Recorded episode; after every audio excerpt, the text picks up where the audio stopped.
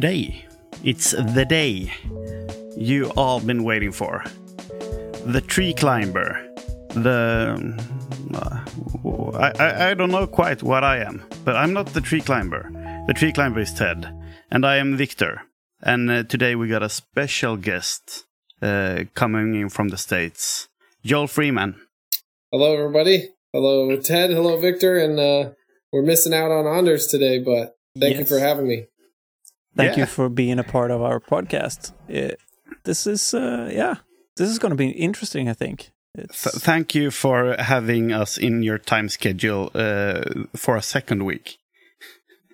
Of course. No, it's a it's an honor to be here. It's a pleasure. And yeah, we got the time zones mixed up last week, but we're we're rolling now. So we're here and we're ready to go. No worries. It, it actually worked out pretty good because uh, we had a two year anniversary on the podcast last week. So that uh, we had things to discuss anyway, so no worries. It's always a, a, little tricky trying to fit in the, the time zones and all those. Uh, being being living in Sweden, we got only time one time zones, and trying to communicate yeah. with someone in the states that that got lots of them. It it's kind of messy sometimes. Yeah, yeah, it gets a little bit too complicated sometimes. Yeah. All right, Joe, we'll fire right off. And uh, I'm going to ask you uh, eight short questions, a little bit about who you are, if you want. Okay. Yep. korta. So, what's your full name? Joel Walker Freeman. Nice. And what's your age? 28. Ooh. Uh, youngster in the group now. Even Viktor can say that for once. That's um, correct. This is a little bit like what what do you do for a living? But I think most people know what you do. If you don't have a side yeah, gig. I'm a I'm a professional disc golfer. Nice. And yeah, that's that's pretty much it right now. I think we have to rework that question somehow. Yeah, I know. Uh, Ted. It, well, it, it doesn't strangely. Really...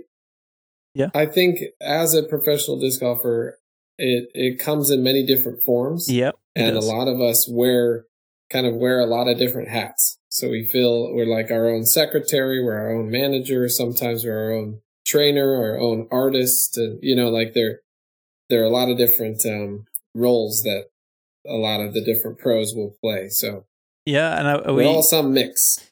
It is, and I mean, you see a lot of people now as well doing the commentaries for disc golf and stuff like that. Mm-hmm. So I think that will change within time as well. Yeah. What role did you enter today, Joel?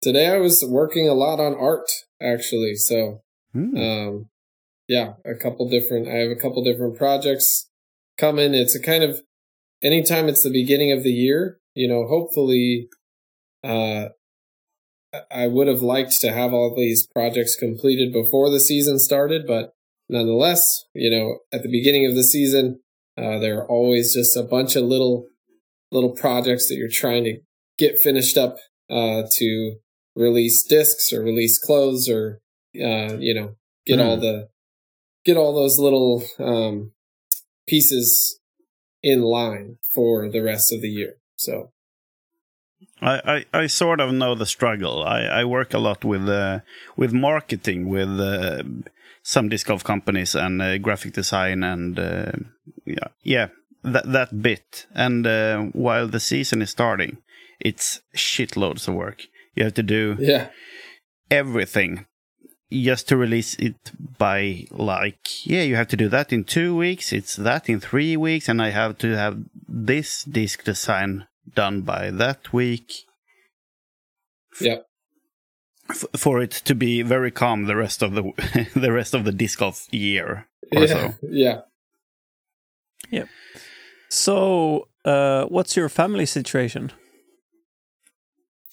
Um, I I grew up in uh, in one household with a mother and father the whole time. They're still together. I've got two brothers and two sisters. Uh, so family of seven in total, including my parents. Mm-hmm. Um, I am married to, uh, her name is Alyssa. She's been on tour with me for two years. This is her third year. So mm. year number three, which is amazing to have her along with me. She comes from three brothers and three sisters. Mm. So she's got a family of nine, including her parents. So, so um, huge family yeah, big, gatherings. Big families. Nice. Yeah, yeah, we're very, very family oriented people, um, and yeah, I think it's the family's only going to get bigger from here. There, there, there's, there's not a lot of relatives in the generations before us, but I think all those kids are going to start having kids, and the family's going to be, get big fast. So we'll we'll see how it happens. Cool. And where where are you from originally? I grew up in Colorado. Um, I was actually born in Kansas City, Missouri, um, but I have only a few very young memories from from Kansas City, and uh, grew up in in Colorado for the most part. So. Hmm. What was the first uh, course you played on? Oh, it's a great course. It's called Edora. Hmm? Um, it's in Fort Collins, Colorado, up north, and uh, yeah, it's a great, um, pretty, pretty advanced level course. A lot of variety, uphill, downhill, long, long holes, short holes. It's a good one. Nice. What was your first disc? um, my first disc.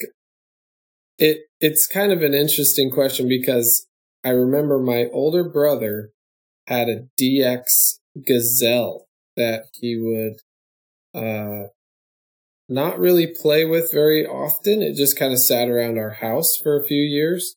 Um and and so when I kind of started that was like our disc like we would share that disc and that was the only one we had. But but that was really before I pl- started playing. So the first disc I started playing with, um, we it was a friend of mine in high school, and he said, "Hey, have you ever played disc golf?" I said, "I've heard of it. Sounds fun. I'd love to play." And we went to the disc shop, picked out the fastest disc we could find, and so I got a Boss.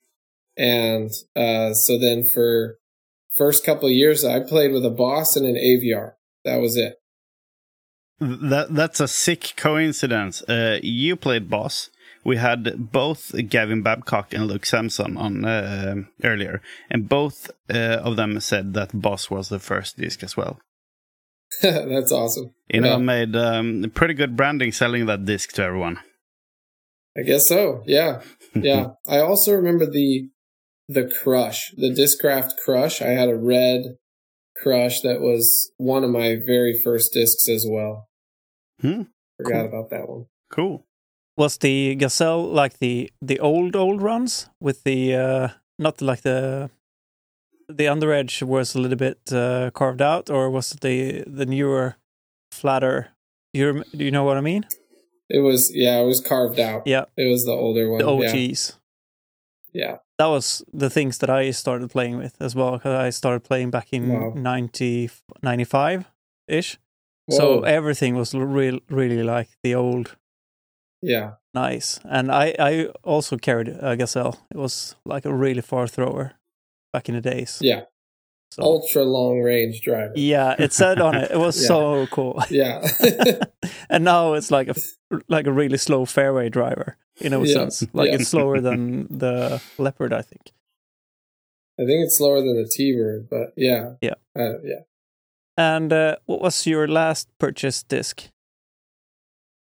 I, I know you not purchased a lot um, of discs, but you probably bought something. Yeah, yeah. No, I I I bought a pair of Thunderbirds last year. Um, I was walking through, I think it was in Kansas City actually. I was walking through a disc store and um, just happened to walk by.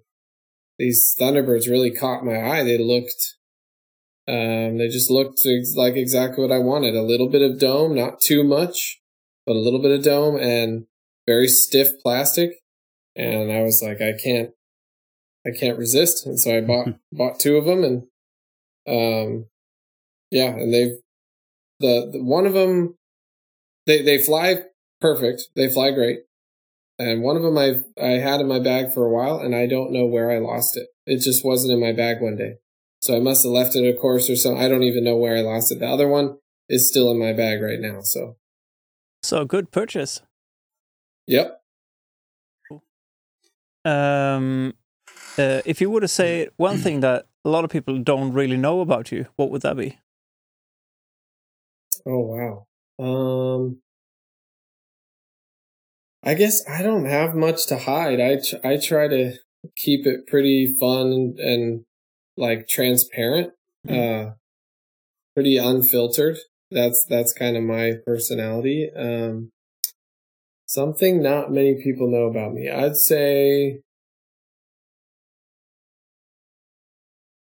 I guess it just depends on who you are, where you look. Um, I ride the unicycle, and I I I ride it pretty well. Um, I have two videos on my YouTube channel. Little little plug here. Two videos on my YouTube channel of me riding the unicycle. One is just pretty much a strictly a unicycle trick video, mm. and then the other is me playing disc golf on a unicycle.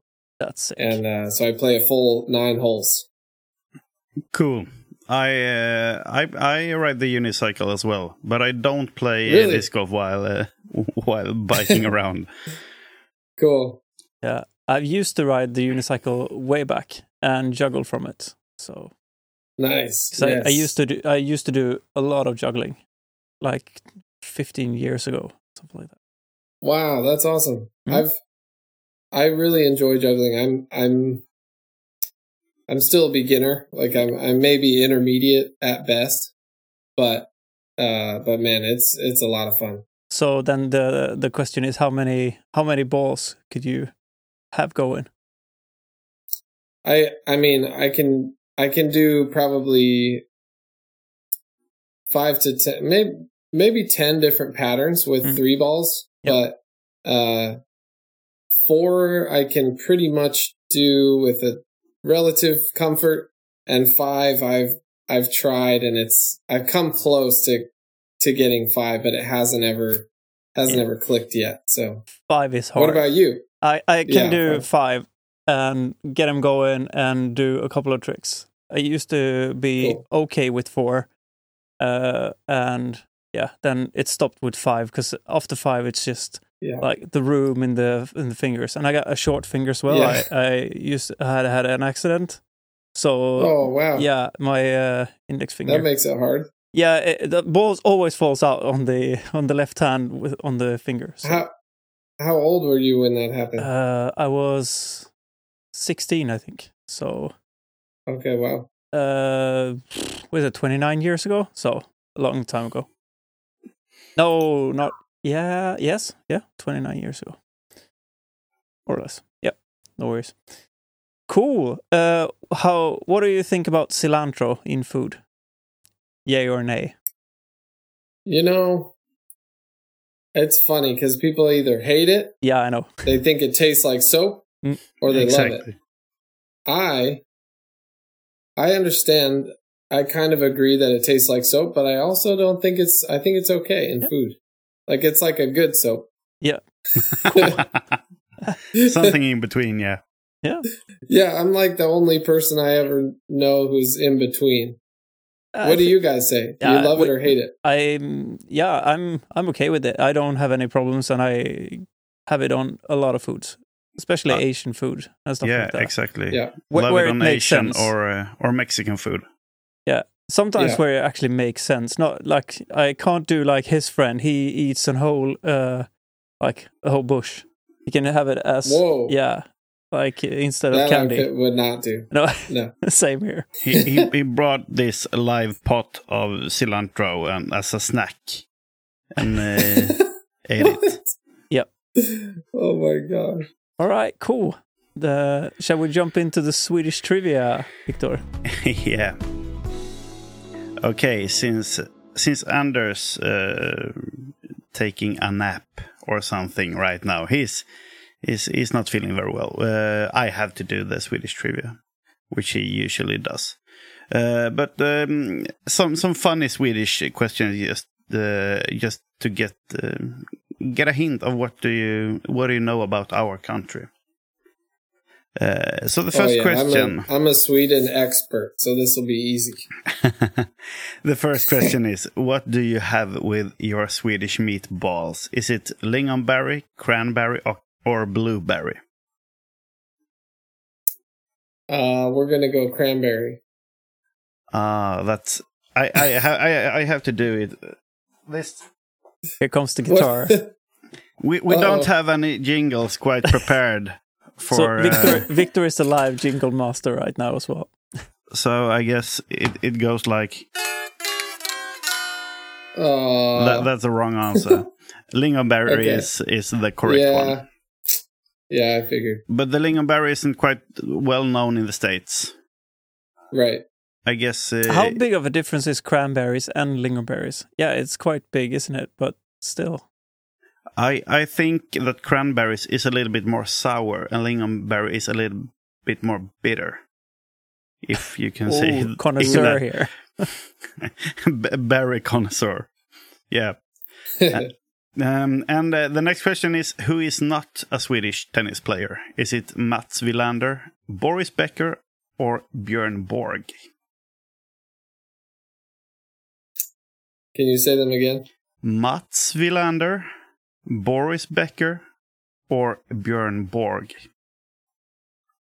We're going Boris Becker. That's correct. Yeah. Uh, he's from Germany, I think. Yep. Yep. I'm not a tennis enthusiast, but uh, yeah. Uh, next question is What band is not from Sweden? Is it ABBA, Sepultura, or Entombed? I'll go with the last one. Entombed. Yeah. And that is. Oh. um, you, you, can tell that Anders made up this question since yep. it's um, Anders' music. Uh, it's uh, ah. it's uh, a pretty. Sepultura is from uh, Brazil, I think. Yeah, that's some mm. South America metal. Yeah, but um, otherwise, Entomb is a, like a quite. Uh, I think they're pretty big in Sweden, but I don't think they're really well known outside of Sweden. Yeah, I've I haven't heard of the last oh. two. But ABBA, you're familiar with. You you yeah. know ABBA. Yeah. Uh, then let's see. Uh, the next one is which film star is not from Sweden? Is it Joel Kinnaman, Viggo Mortensen or Alicia Vikander? I'm going with Joel. He shares my name. he is Swedish. Oh. Yeah, that's all right. Well, this is a hard one. Uh, it's uh, Viggo Mortensen. He's from Denmark, and uh, they're like oh. Sweden and Denmark is quite close. You could say. Okay. Yeah, and we've got the next question is what company is not from Sweden? Is it Spotify, H&M or Häagen-Dazs? Uh, I'm gonna go with H&M. Ah, another one. yeah, H&M is from Sweden. Häagen-Dazs is uh, a German uh, ice cream. Oh, of course. Yeah. yeah, that makes sense. I think they're from German. Yeah, I think they're from Germany yeah. as well. Uh, and the last question is, uh, I, I, I guess I have to tweak it a bit. Um, Why? because it's pretty hard. yeah, it is. Um, okay, what disc golf brand is not from Sweden? Pro Discus, Kastaplast, or Latitude 64? Oh, interesting.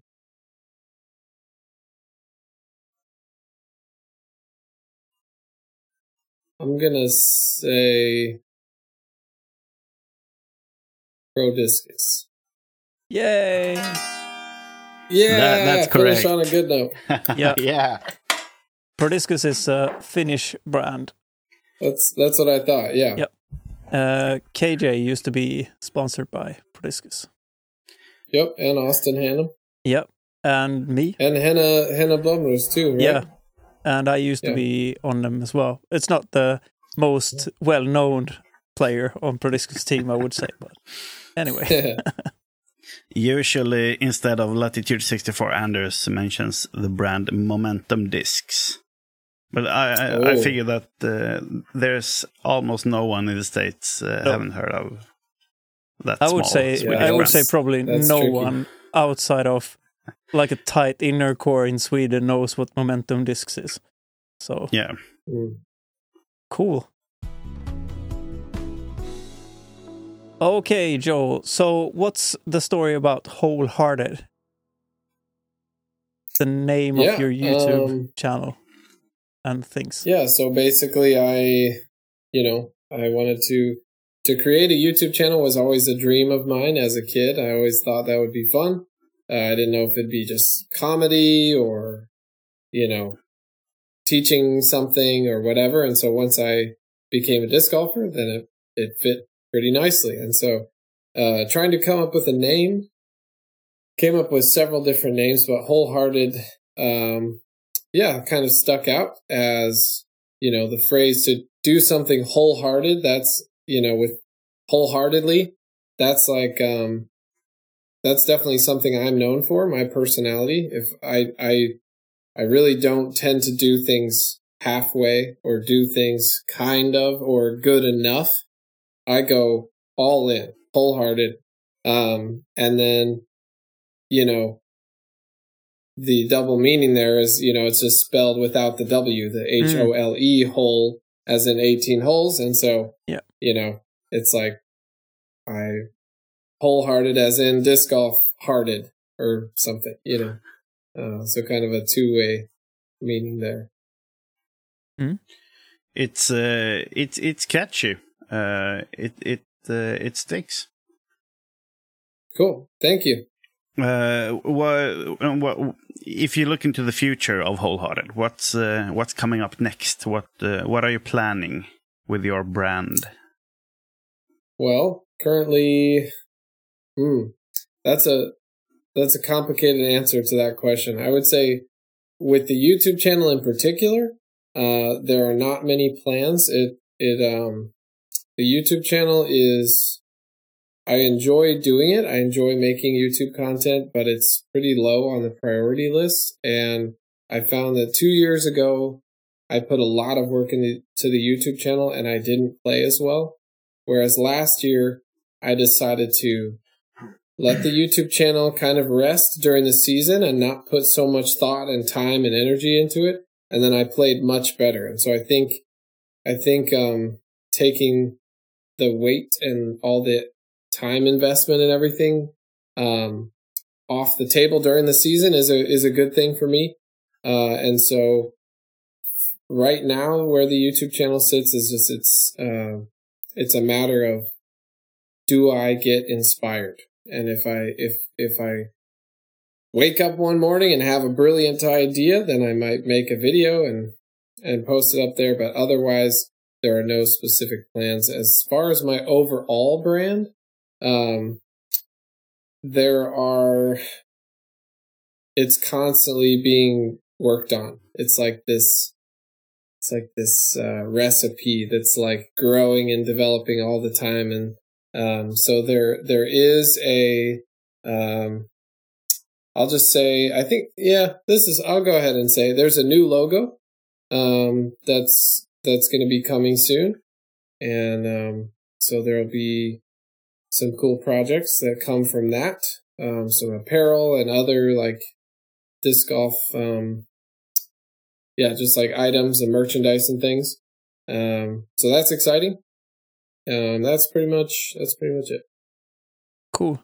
Yeah, cool. it, it is huge uh, engagement if you want to like do everything with the YouTube channel. But uh, we uh, we're starting to see a lot of people in Sweden as well doing more content on the YouTube. What would be some advice that you can uh, say to people if they want to grow? Should they do um, everything in like international with uh, uh, English speaking, even if they're not native English, mm. or would you rather say that maybe do it in the native tongue and try to make it as good as possible there, or what do you think would be a good recipe?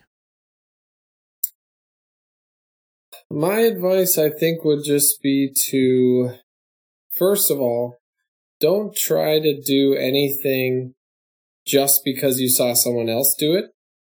Um, you can try a few different things. Do do whatever you feel like you're best at and what makes the most sense for you personally. The the thing that you can offer, um, your personality, more of you. Uh, if you're just trying to repeat an idea that someone else is doing, um, I think it just it usually won't work out as well as you as you think it would. Um, I would I don't know. It's it it it's so it's very unpredictable because sometimes you put a lot of work into a video and nobody cares and then you put you put 10 minutes into a video and then it blows up and gets, you know, tens of thousands, hundreds of thousands of views or whatever. Mm. Um, and so it's really, it's really an experimentation, um, process, just figuring out what are the people who are interested? Who's your audience? Um, I would recommend making some English and some in your native tongue mm. and just seeing what's the better response. Um, so I think it just depends on who you are, and I I still am trying to figure it out myself. I don't. Yeah, I mean, I'm always surprised. it is super so. hard, and I think you kind of hit the nail on the head as well to say make it as personal and uh, for me doing like a really personal thing is to be really comfortable on what you're doing and usually for me mm-hmm. that is like just to be me and i am me and I'm speaking Swedish, and then I do all the things in Swedish because I kind of think that the audience is there, and it, it, would, it, would, probably be a little bit better content if I'm not like stuttering and don't like we do now. I mean, uh, we can I we can speak a little bit like English, but it's not. Uh, you know, you struggle with the words and stuff like that, and I don't think it. Yeah, it's probably better sometimes to go more narrow and try to build the audience where you live to uh, and then you can see, I mean, sometimes you're just stuck. But I think everything with YouTube as well, because I've seen it so many times with a lot of different things, even like different roads on YouTube. You you get stuck one times, and then everything just starts rolling. The more uh, consistent yeah. you do, and just keep on, because you're gonna hit the like it goes fast in the beginning, then you kind of hit the shelf, and then it, it kind of picks up. Yeah. Yeah, that's an, that's another really good point is just consistency. It's like it you know, even if I yeah, ah, it's it's just so hard. I I would almost say quantity over quality. Like you'd yep. rather just be consistent and just post something mm. like every week than post a brilliant video once a month. Mm. You know, but it it it really depends. It just depends on who you are and and what you're able to invest in it and you know that's another thing like it's for me it's not my number one thing it's kind of a little side gig and so i don't necessarily invest in all the fanciest equipment and all the best cameras and the best microphones and the best video editing software because it's not it's not my number one thing, but I do enjoy making it and I try to do a really good job as best I can to to bring value to my audience uh, when I make the videos. So mm. I think a YouTube channel is something that most not most, but many disc golf pros uh, are looking into just to uh, develop mm-hmm. the brand of themselves and grow yep. a bit on on that pl- platform as well. Yeah, yeah, I think for me, it's, it's less of like a, oh, I want to make some more money off of YouTube or, oh, I, I'm going to treat this as a second job. It's more, less than those things. And it's more of just, I consider it part of my duty as a professional disc golfer, as a representative of my sponsors to grow my brand to capitalize on the different social media platforms that I have available to me. Yeah. And so therefore that's my main reason for for doing it. And I think as well like you grow a pretty uh, good size audience as well now and just being consistent and putting in content is going to help you for when things slow down or I mean look in 5 years yeah. it could be a lot different on tour as well. I mean you can have more time I mean, probably yep. as we see the prize money goes up as well. I think that's going to take away a lot of the pressure just to be hitting every stop on tour, and you can kind of pick and choose a little bit more. And then you have the YouTube channel as well that you can do more like clinics and stuff like that with. And I think that's yep. awesome. A little bit of a uh, what do you say? Not a retirement plan, but still something to have sure. in the future. Yeah, well, and I really enjoy having it waiting for me in the off season because as soon as the tournaments end, I immediately have um, have a place to uh, kind of harness all my energy and time, and I, I immediately have a a way to shape that into something meaningful. And so I start investing more in the YouTube uh, channel, um, and so I, I love having it there during the off season. Yeah, I mean, you you strike me as a really creative person as well, and then uh, same for me. I, I love doing things. I mean, it's it's more for me than more for the audience because yeah. I love to sit by the editing software and do things and try to yeah. just uh, develop more skill. I think. Yeah, yeah, I I feel similar. Yeah. Mm. Cool. Um, you're known by many as a really colorful player on tour. Who is your genius designer? out? um, it's it's mostly from myself. I, I mm-hmm. mostly just kind of come up with a lot of the ideas on my own. Um, but I have collaborated primarily with two brands: Zone, Zone Sporting Goods, and Disc Golf Threads. Those are the two main brands that I've that I've collaborated with.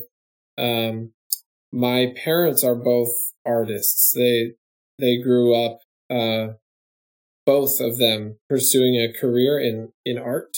And they have since moved on to other careers where they, they're able to get a more consistent paycheck. And so that's a little bit of a less, less stressful lifestyle than being an artist. But, um, but nonetheless, they have incredible skills. Uh, and my dad especially has kept his art more active. Uh, he he's constantly doing projects and commissions and being hired for for certain things and whatever.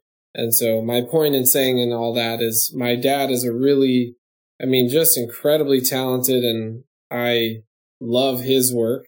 And so I I never hesitate to come to him uh ask for ideas or just um get input on a certain concept or whatever and so he he's collaborated on some of my designs as well. Nice. And this is a, a, question who was from a lot of our listeners as well came in through uh, and uh, yeah I I love it. I mean it's uh, yeah it's different than anybody else, which is I really love that. Uh, I can relate from when I was younger as well. Like you know sometimes you don't really fit into the mold as anybody else, kind of. Yeah, yeah, and I it's it has been interesting because uh, no matter which direction I go, there are some people who like it and some people who don't like it, and so I can go more loud and more crazy and more unique, and some people will celebrate, and other people will be very disappointed, and then so I can go a little bit more professional, a little bit less goofy or whatever, and then some people will be dis- disappointed, but then these people will celebrate, you know, and so it's, it's kind of interesting just hearing all the, you know, just everyone's got their own kind of take on it. Um, but I really, I'm not necessarily always happy with the, like the outfits I'm able to come up with. And so I'm trying to work towards a nice balance between a lot of personality and a lot of color and like fun outfits while still keeping it professional and still keeping it, um, you know, reasonable and actually looking good, not just color for the sake of color. Like I don't just go for the maximum, um, maximum volume. You know, I just, I, I try to keep it interesting, but also professional. Uh, and I, I don't always succeed in that, but that's, that's the direction I'm trying to move in. Yeah. But I mean, it's, it is, you know, you, you're never going to satisfy everybody. Uh, so, yeah, I mean, as long as you do you, and I think that shines through as well.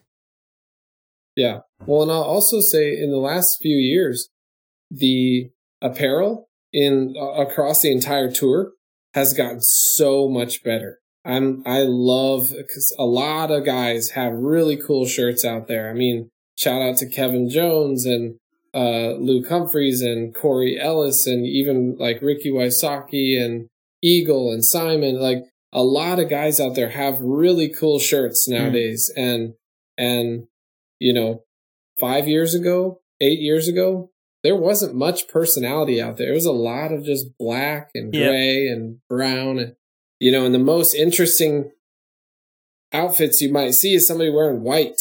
Like, yeah. oh, you're going white. Like, that's really cool, you know, but so I, I'm really excited about the, the, the direction that the apparel across the entire tour is going. It's, it's a lot of fun.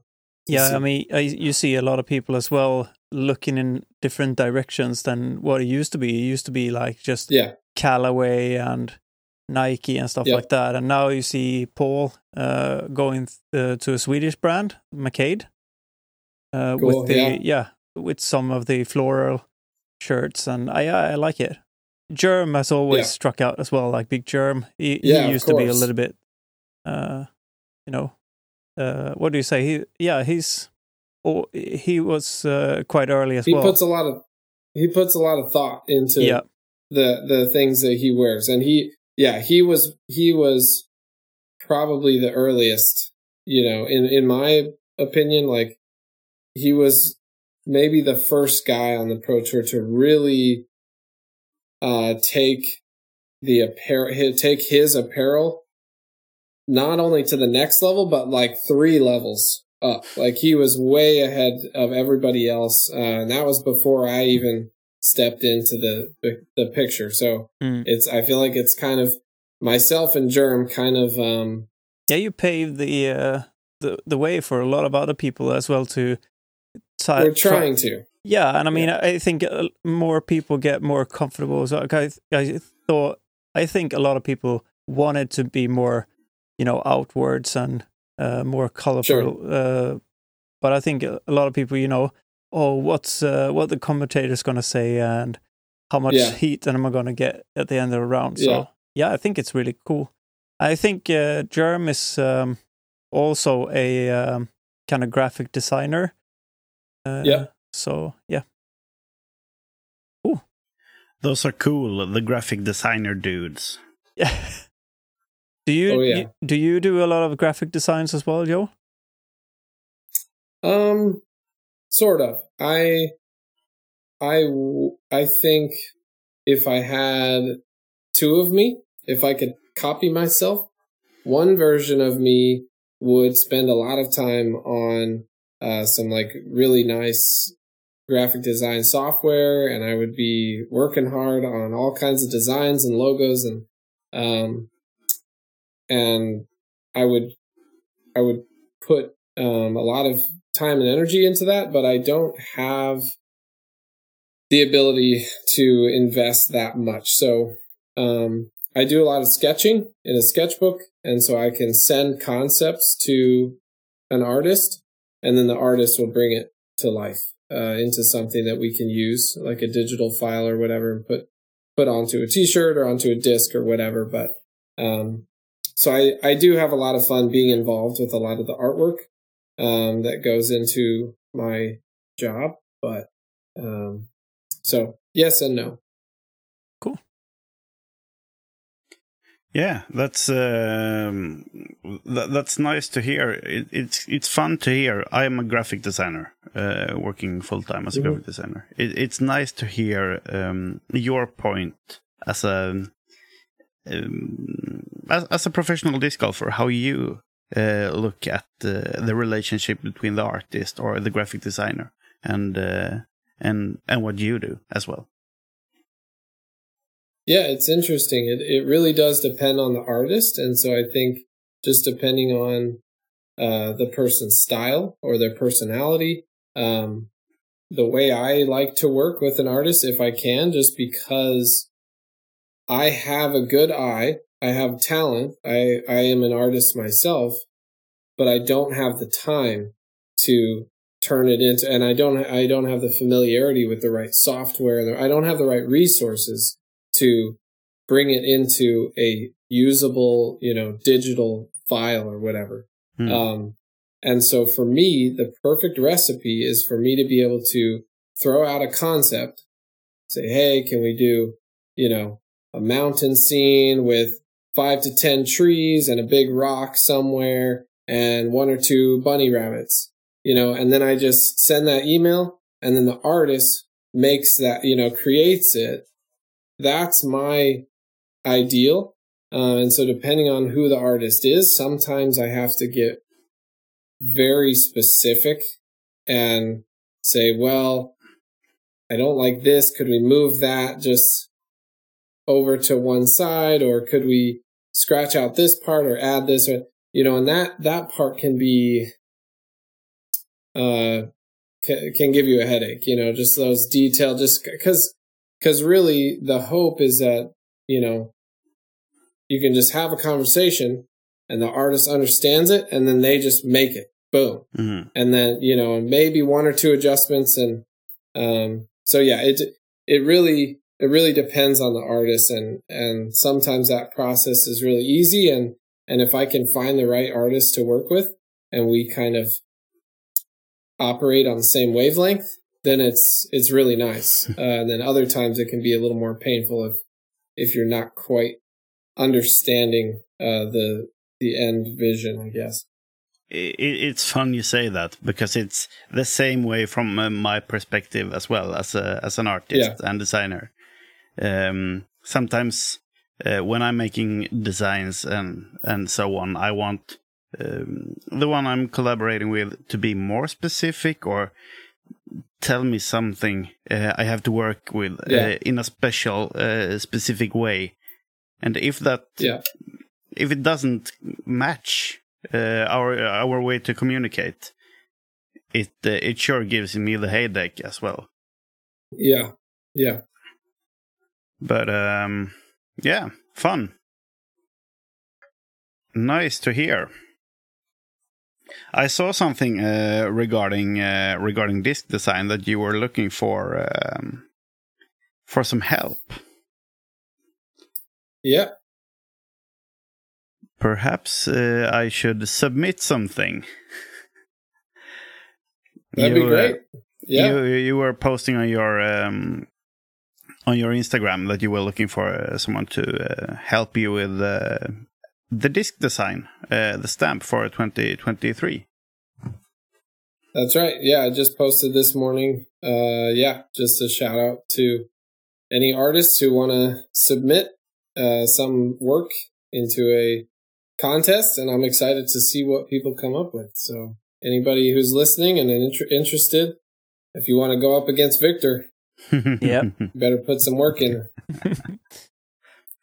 yeah. All right should we go into some listener questions because there's a lot, and we'll try to keep this a little bit short as well, so yeah. you can go out practice for this week's uh, competition. Cool. So I can start out with disc golf amateur. Do you bag any studs? Oh, uh, no. Cool. I've tried them, but not for you. Not for me. There's no. there's nothing wrong with this stuff, but no. I don't use them. Innova's got so many discs. It's yeah. like you can't have them all. Yeah. Uh, the next question is from Oscar Wieg, and he wonders I really like the commentary you and Casey did on Crush on the Con show. Will there be any more commentary in the future? I hope so. That was really fun, and I always knew I would be good at commentary, but I haven't had many opportunities. So uh, I hope more opportunities come, and I, I'm very, very happy, very uh, excited about the response. So thank you to everybody who who had such a positive response to the the commentary. It was a lot of fun. Mm-hmm. Nice. Cool. Uh, Jeppe 950 favorite cor- uh, course on tour. North Boundary at um in Pittsburgh. Of course, I have a personal bias uh, because whatever I shot the best round of my life there, but uh, but it really is an amazing property. It's amazing, uh, steep inclines, uphills, downhills, long holes, short holes, open holes, tight wooded holes, every different kind of variety that you can that you could ever want. Uh, it's an amazing property. So I think that course has incredible potential. Nice. Uh, yeah. Um, the next question from a listener is from Hoppar Carlson. Uh, and he wonders, uh, he writes, Congrats on the great 2022 season. Uh, you're really consistent and finishes in the top 10 regularly. Impressive. What special prints will you be uh, will be on your shirt for the 2023? Hmm. Well, I can't give away much, but um, stay tuned. There are, yeah, stay tuned. There's some fun stuff coming, and uh, you know, I'll stick with with a similar theme, um, hoping to grow and develop into even better uh, designs and concepts. So, get ready. There's there's some good stuff coming. There are some bombs dropping this year. I hope so. Yeah. I really must say that the strawberry shirt was uh, one one of my absolute favorites. Thank you. Yeah, that's one of my favorites as well. Cool. Uh, 23 Sandel. what's your favorite disc? The Gator 3. That one's easy. I throw them so uh, just nonstop. I throw them all the time. Was it your favorite disc even before it was your signature? Yeah, it's uh, it, it's nice when you can have your favorite disc as uh, as your own tour series. It's it's an absolute dream. It's amazing. It's yes, I I completely agree. To the opportunity for me to put my name on that disc, I could not be more proud. Yeah, cool. Uh, the next question is from Rosvinge Disc Golf, and he is wondering what's the best or the worst thing about being on tour full time? Hmm. I think are so many answers, I mean, there are a lot of pros and a lot of cons um, to any any lifestyle. You know, um, trying to say the best, the best thing, the best thing, the best thing is like just the experience, the memories. I mean, just uh, the stories that I'll be able to tell my children and grandchildren or whatever. Um, it's just, it's an amazing lifestyle. I'm very privileged to be able to, to live the way I do. Um, worst thing before my wife was with me is, is how lonely it is. That's, that was definitely the worst thing. Uh, now I did, I feel much better. Having her with me is is totally has totally changed it and made it so much better. Um, I don't know. Maybe the maybe the long drives. I don't know. I wish there were um, maybe nine days in a week instead of seven. That'd be nice to have a couple, little more wiggle room. But the tournaments just happen, bam, bam, bam, one after another. That a week is a short time to go from one place to another. So, regarding the loneliness on tour, uh, when playing those practice rounds and uh, and social gatherings, who are you um, hanging out with the most? Yeah, um, we now uh, again that was more in like 2019, a few years back.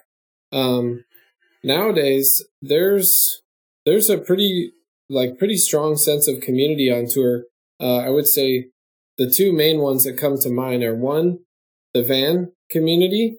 Uh, I don't have a van, and so I'm not necessarily plugged in closely with that community. Uh, I have obviously several friends who have vans or whatever, but just I'm not necessarily in that camp, I guess, mm. week to week. But um, but I know they have a strong sense of community there. And then the other one I think of is um, there's a there's kind of a it's associated with Eagles Wings, which is this logo I have on my shirt.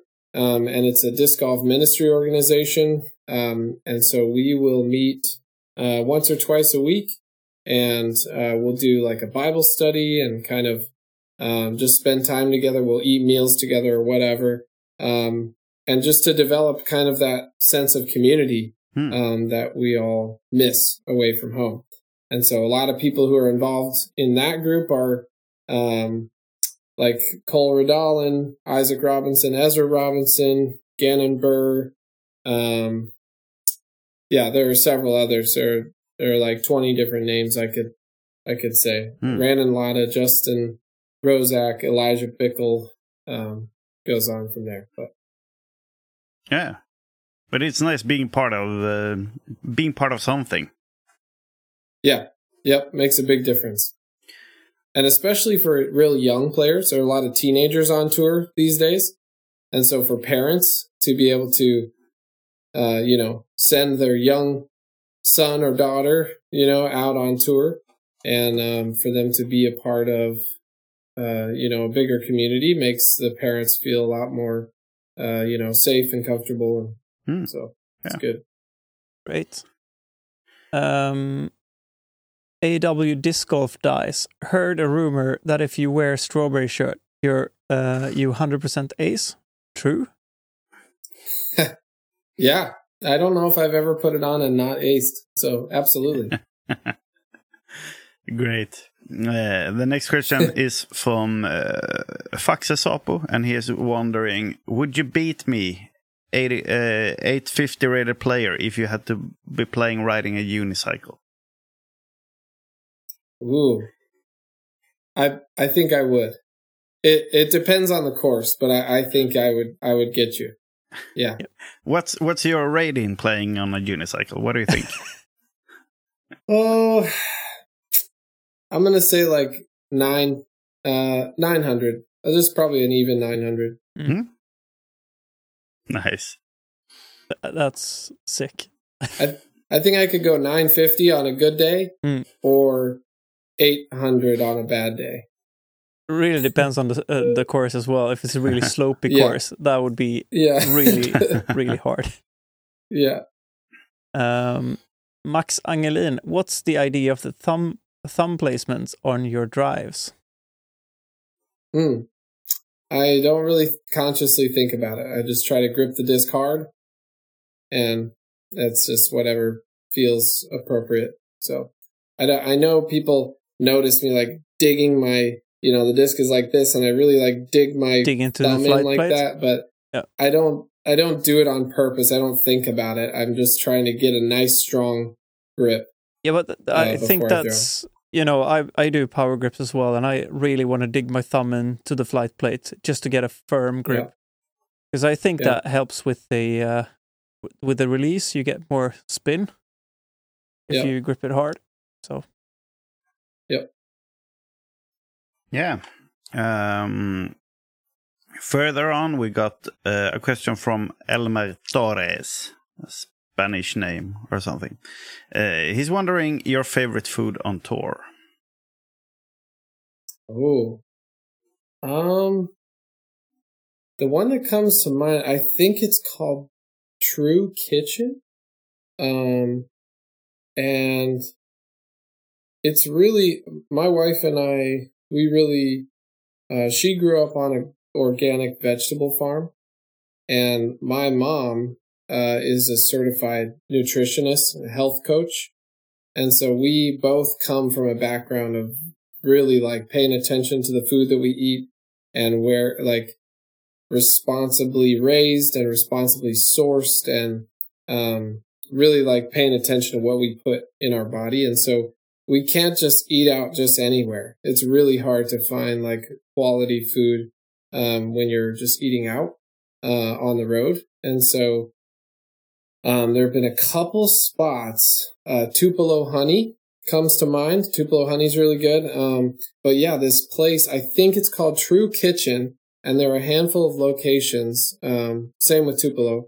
Um, we just went there uh, for her birthday um, a week ago, and it was just one of the best meals I've ever had.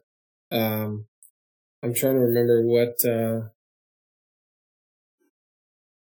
what jumped out. Any, anyway, it, it, was just delicious, fantastic, good prices, good portions. Um, and but it's it's always fun just kind of exploring a little bit, um, finding little local places, farm to table places. Um, we tend to be able to find like Mexican and Greek food uh, that is quality the easiest. Um, those are kind of the safer food options when you're trying to find good food. Um, it's it's often like more fresh, but uh, but it, it really depends on the place. So every once in a while we stumble into some place where oh it's amazing, and other place where oh this looks good, and we walk in and it's like yeah, not, not so good. So. so not a big Taco Bell eater. No, no, no. I I was addicted to Taco Bell you know, 15 years ago, you know, as a, as a young kid, but, um, my, my mom, little by little, she, she taught me better. And so I, that's good. Try to stay away. Then Whippo, how much does disc weight influence your bag? Do you use max weight for everything? I use max weight for everything, no matter what. I've just found it's uh, wind is such a big element of our sport that it's I've just found it's not it's not worth compromising on weight. It's I could maybe get like five percent more distance with like a driver, lightweight driver, but then it's sacrificing fifteen percent control or whatever, you know. Mm. And hmm. so it's like just it's never worth it. So always max weight for me. Yep. Um, uh, schooled that way too. 175 grams yeah. on my DX whippets and yeah, yeah, all the way. It makes me curious if if we were allowed to throw 200 grams hmm. or mm. 250 grams or you know how high like if i always throw max weight how high would i go before i decide no yeah, that's too heavy. down yeah i don't i don't know what that number would be but it makes me very curious to think about. I got a DX uh, Condor, 200 grams. Nice. That is heavy. yeah. Yeah. Uh, the next question is from Hugo Disc Dice, and he wonders Could you tell us more about the Halo Nexus Invader? Oh. Um, I guess I don't have much to say. I'm excited about the Halo Nexus plastic. I think it is the best putter plastic that Innova has ever come up with. And so I'm anxious to, for them to come out with that plastic in more molds. Um, as far as the Halo Nexus Invader, uh, if you like the Invader, then it, you know, it's a kind of a nice flat, uh, great throwing putter, putter. So if you throw hard, if you're, if you're a big arm, you will enjoy throwing the invader. It's um, it's nice and straight. Uh, it has a little bit of overstability at the end of the flight, um, but it'll beat in. You know, if you throw it a lot, it'll beat up and become very nice and straight. Uh, it's very nice, reliable putter. Um, and if you like a nice flat kind of low profile feel, uh, then you might even like putting with it. So and and it good for forehands too. Honestly, it's pretty comfortable for forehands. And so if you're if you have trouble forehanding putters, uh, the Invader would be a good start to transition from throwing like a traditional like more of like a Gator or Caiman or harp or zone. You're you could transition by going to the invader. Uh, the invader would be kind of that step towards more of a traditional putter. Um, and then once you get comfortable forehanding the invader, you might be able to go to an aviar or something, and then then really drop some people's jaws. yeah, I love the uh, Aviar X3 X3 star plastic. Yeah. That was it's a really really good disc because it's so flat as well. Yeah. Yeah. Yes. Uh, Axel Hugosson, is flatter discs better in headwinds? You know, um, a flatter disc, generally speaking, there are always exceptions, but a flatter disc is easier to release more cleanly. And so the release on a flatter disc will be more consistent. The flight is more consistent and easier to control uh, on a domi disc. And so it's kind those two concepts are kind of they kind of just clash with each other. So you'll get you'll have a more controlled release with a flatter disc. You'll have a more controlled flight with a domi disc. And so you're kind of just weighing those two out. Which one is more important to you? Um, and so I think with perfect spin and perfect throwing mechanics, then a Domi disc will perform better uh, in wind or in no wind. But humans aren't perfect, and so it's never perfect. And so I think flat is a smarter choice in wind. Um, again, there are always exceptions, but if you're throwing into a headwind, uh, the flatter disc is probably uh, if it's overstable enough, you know, if it's mm. the right disc, I think flat is smarter into a headwind. I've kind of got uh not my experience is like uh narrow rims, like fairway drivers, like the Firebird, for mm-hmm. example. Mm-hmm. The really flat ones are super overstable. But if you do mm-hmm. like a destroyer, like the the flatter destroyers are more flippy, I would say. And if you compare for, mm-hmm. for the like the Halo really domey ones, they're usually like beefcakes, but it, it has to do with the parting line as well. What what I heard. So yeah, yeah. I think the reason for that is mostly because a flatter disc will turn more and fade harder, both. Mm. And so with the flat destroyer, you're seeing the turn. Yeah. It, it, it might not ever get back to fade. And when it does, it'll fade harder. Mm. But with the Firebird, you're not hyzer flipping the flat Firebird. And so you never see the turn. All you see is the increase the of fade. Yeah. Yeah. So if you could throw at 120 miles an hour, you would notice, oh, the flat Firebird flips more than the Domi mm. Firebird, mm. you know, but, uh, but it also fades harder at the end. So makes sense. Uh, yeah, it's disc golf is so complicated. it is. yeah. Yeah. Cool.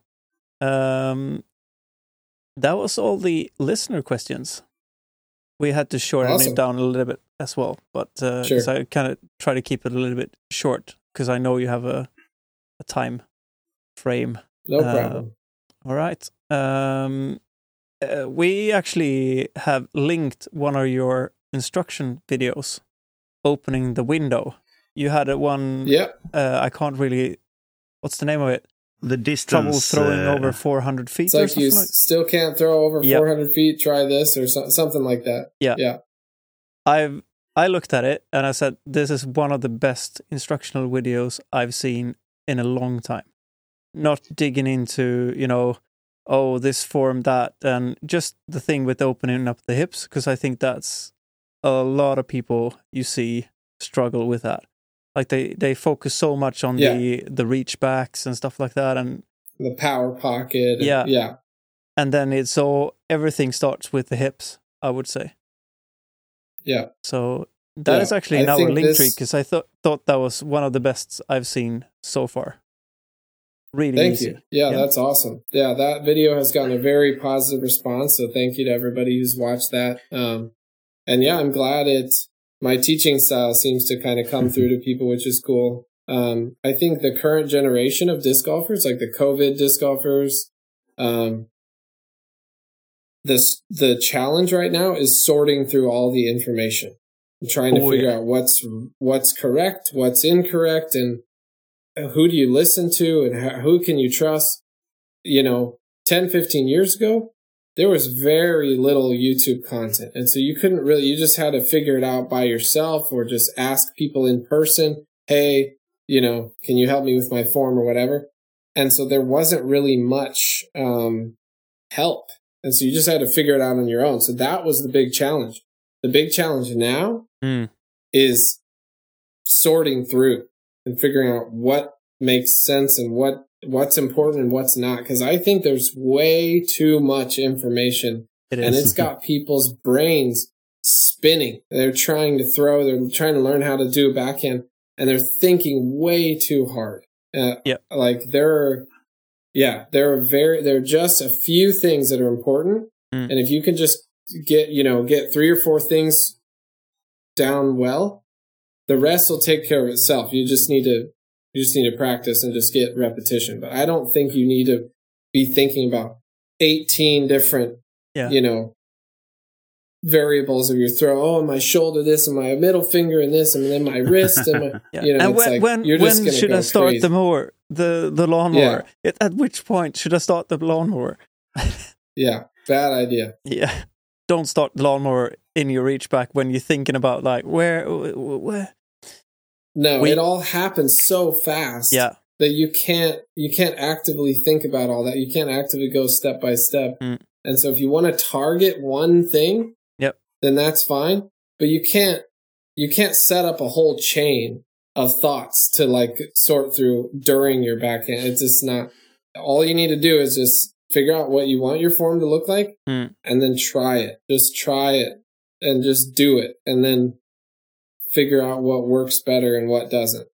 Yeah, we usually uh, jokes a little bit about because when I started, we there was this VHS tape of the uh, yeah. the really old like world championships that we used to watch. Yeah. So yeah, that was it. Like you didn't have anything else. We were out playing, trying to do better, trying to yep. throw far. So cool. Um, Joel, I wanted to give you the floor to uh, promote yourself and if there's anything that you think that we forgot to mention, uh, please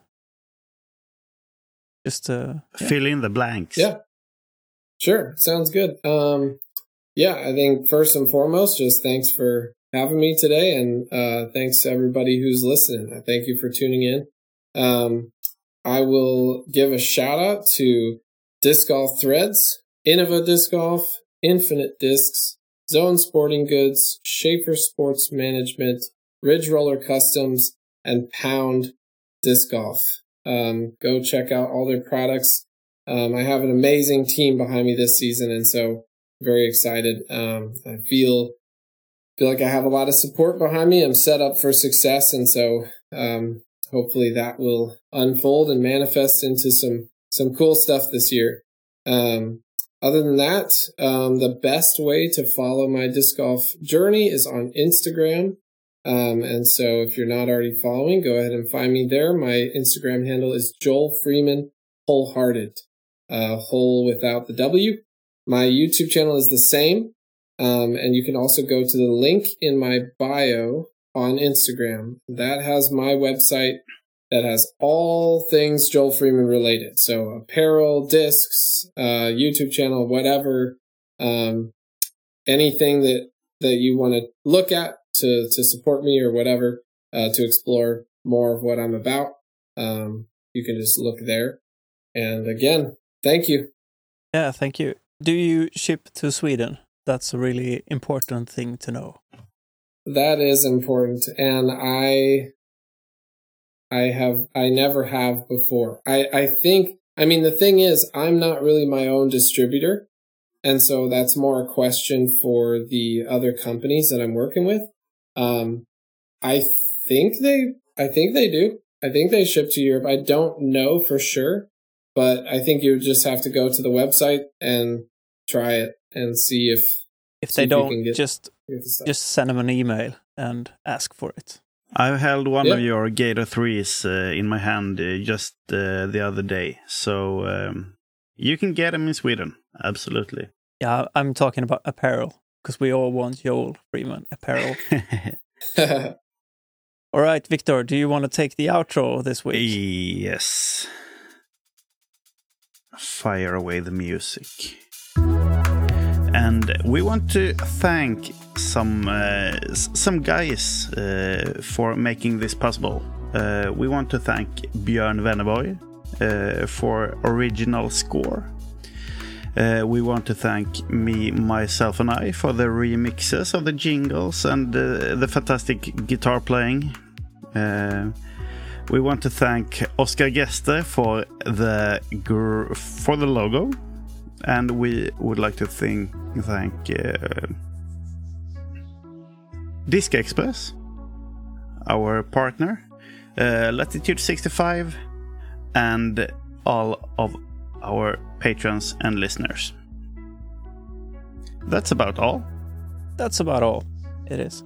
Thank you so much, Joel, for uh, being a part of our podcast and as a guest. And uh, we will root for you the whole uh, I will make sure to have you on my skip base more. That's. Thank you so much. I appreciate it very much, and I, I hope I don't let you down. You don't. thank you, Joel, and thank you, Ted. Thanks.